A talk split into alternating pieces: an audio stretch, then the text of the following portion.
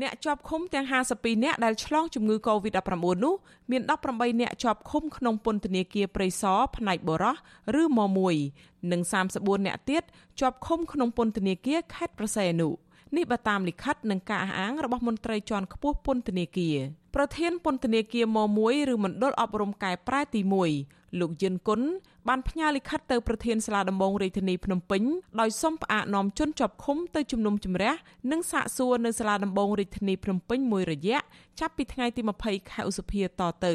ក្រោយរកឃើញអ្នកជាប់ឃុំចំនួន18នាក់មានជំងឺ Covid-19 លិខិតចុះថ្ងៃទី20ខែឧសភាដដែលបន្តថាពេលនេះពន្ធនាគារកំពុងអនុវត្តវិធានការទប់ស្កាត់ការឆ្លងរាលដាលនៃព្រឹត្តិការណ៍សហគមន៍20កុម្ភៈនិងស្រាវជ្រាវរកអ្នកពាក់ព័ន្ធផ្ទាល់នឹងប្រយោលព្រមទាំងយកសំណាក់ទៅធ្វើតេស្ត ជុំវិញបញ្ហានេះអាស៊ីសេរីមិនអាចសុំការបំភ្លឺពីអ្នកនាំពាក្យអគ្គនាយកដ្ឋានពន្ធនាគារលោកនុតសវណ្ណា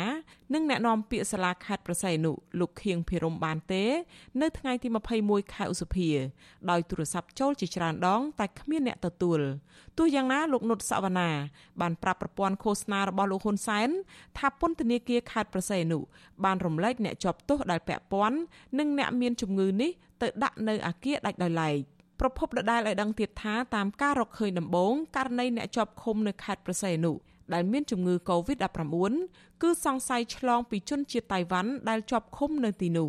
រីឯករណីឆ្លងជំងឺនេះនៅក្នុងពន្ធនាគារព្រៃសរក្នុងរាជធានីភ្នំពេញជំហានដំបូងអាចផ្ដើមចេញពីកម្មករសំណង់ដែលដឹកជញ្ជូនសម្ភារៈសាងសង់សំណង់នៅក្នុងពន្ធនាគារជុំវិញរឿងនេះ អ្នកនាំពាក្យសមាគមការពារសិទ្ធិមនុស្សអាត់ហុកលោកសឹងសែនករណា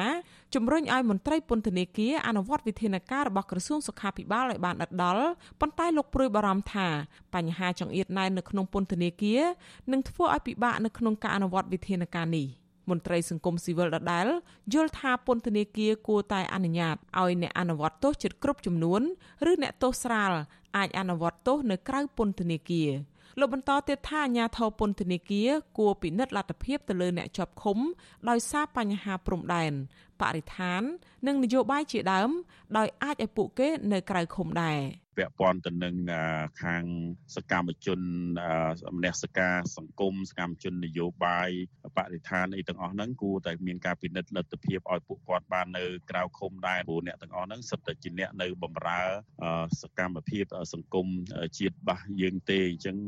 វាជាផ្នែកមួយដែលបថយនៃភាពចង្អៀតដែរហើយក៏កាត់បថយពីការឆ្លងរាលដាលនឹងជាបន្តទៅទៀតបានខ្លះៗដែរបាទ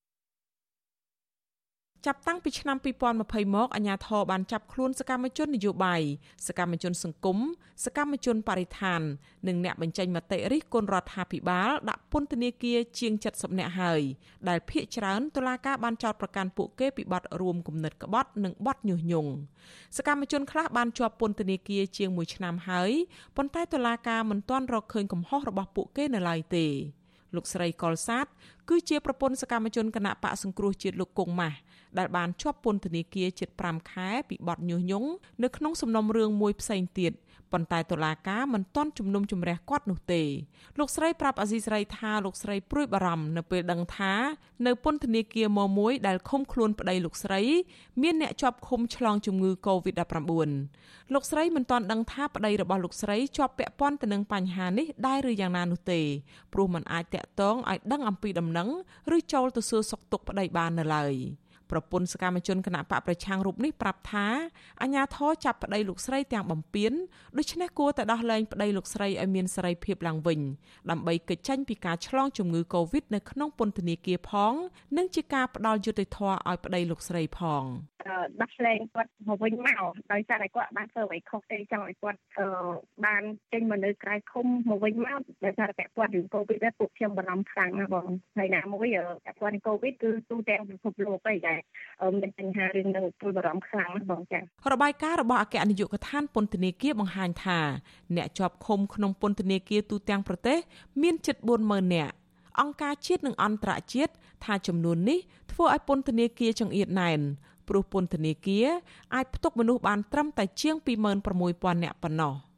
អង្គការសិទ្ធិមនុស្សជាតិនិងអន្តរជាតិក្នុងនោះក៏រួមមានទាំងអ្នកជំនាញសិទ្ធិមនុស្សអង្គការសហប្រជាជាតិបានចេញសេចក្តីថ្លែងការណ៍និងសំណើជាបន្តបន្ទាប់ទាមទាររដ្ឋាភិបាលដោះស្រាយបញ្ហាចង្អៀតណែននៅក្នុងពន្ធនាគារនេះប៉ុន្តែរដ្ឋាភិបាលលោកហ៊ុនសែនមិនបានដោះស្រាយបញ្ហានេះឲ្យបានគ្រប់គ្រាន់និងមានប្រសិទ្ធភាពនៅឡើយទេ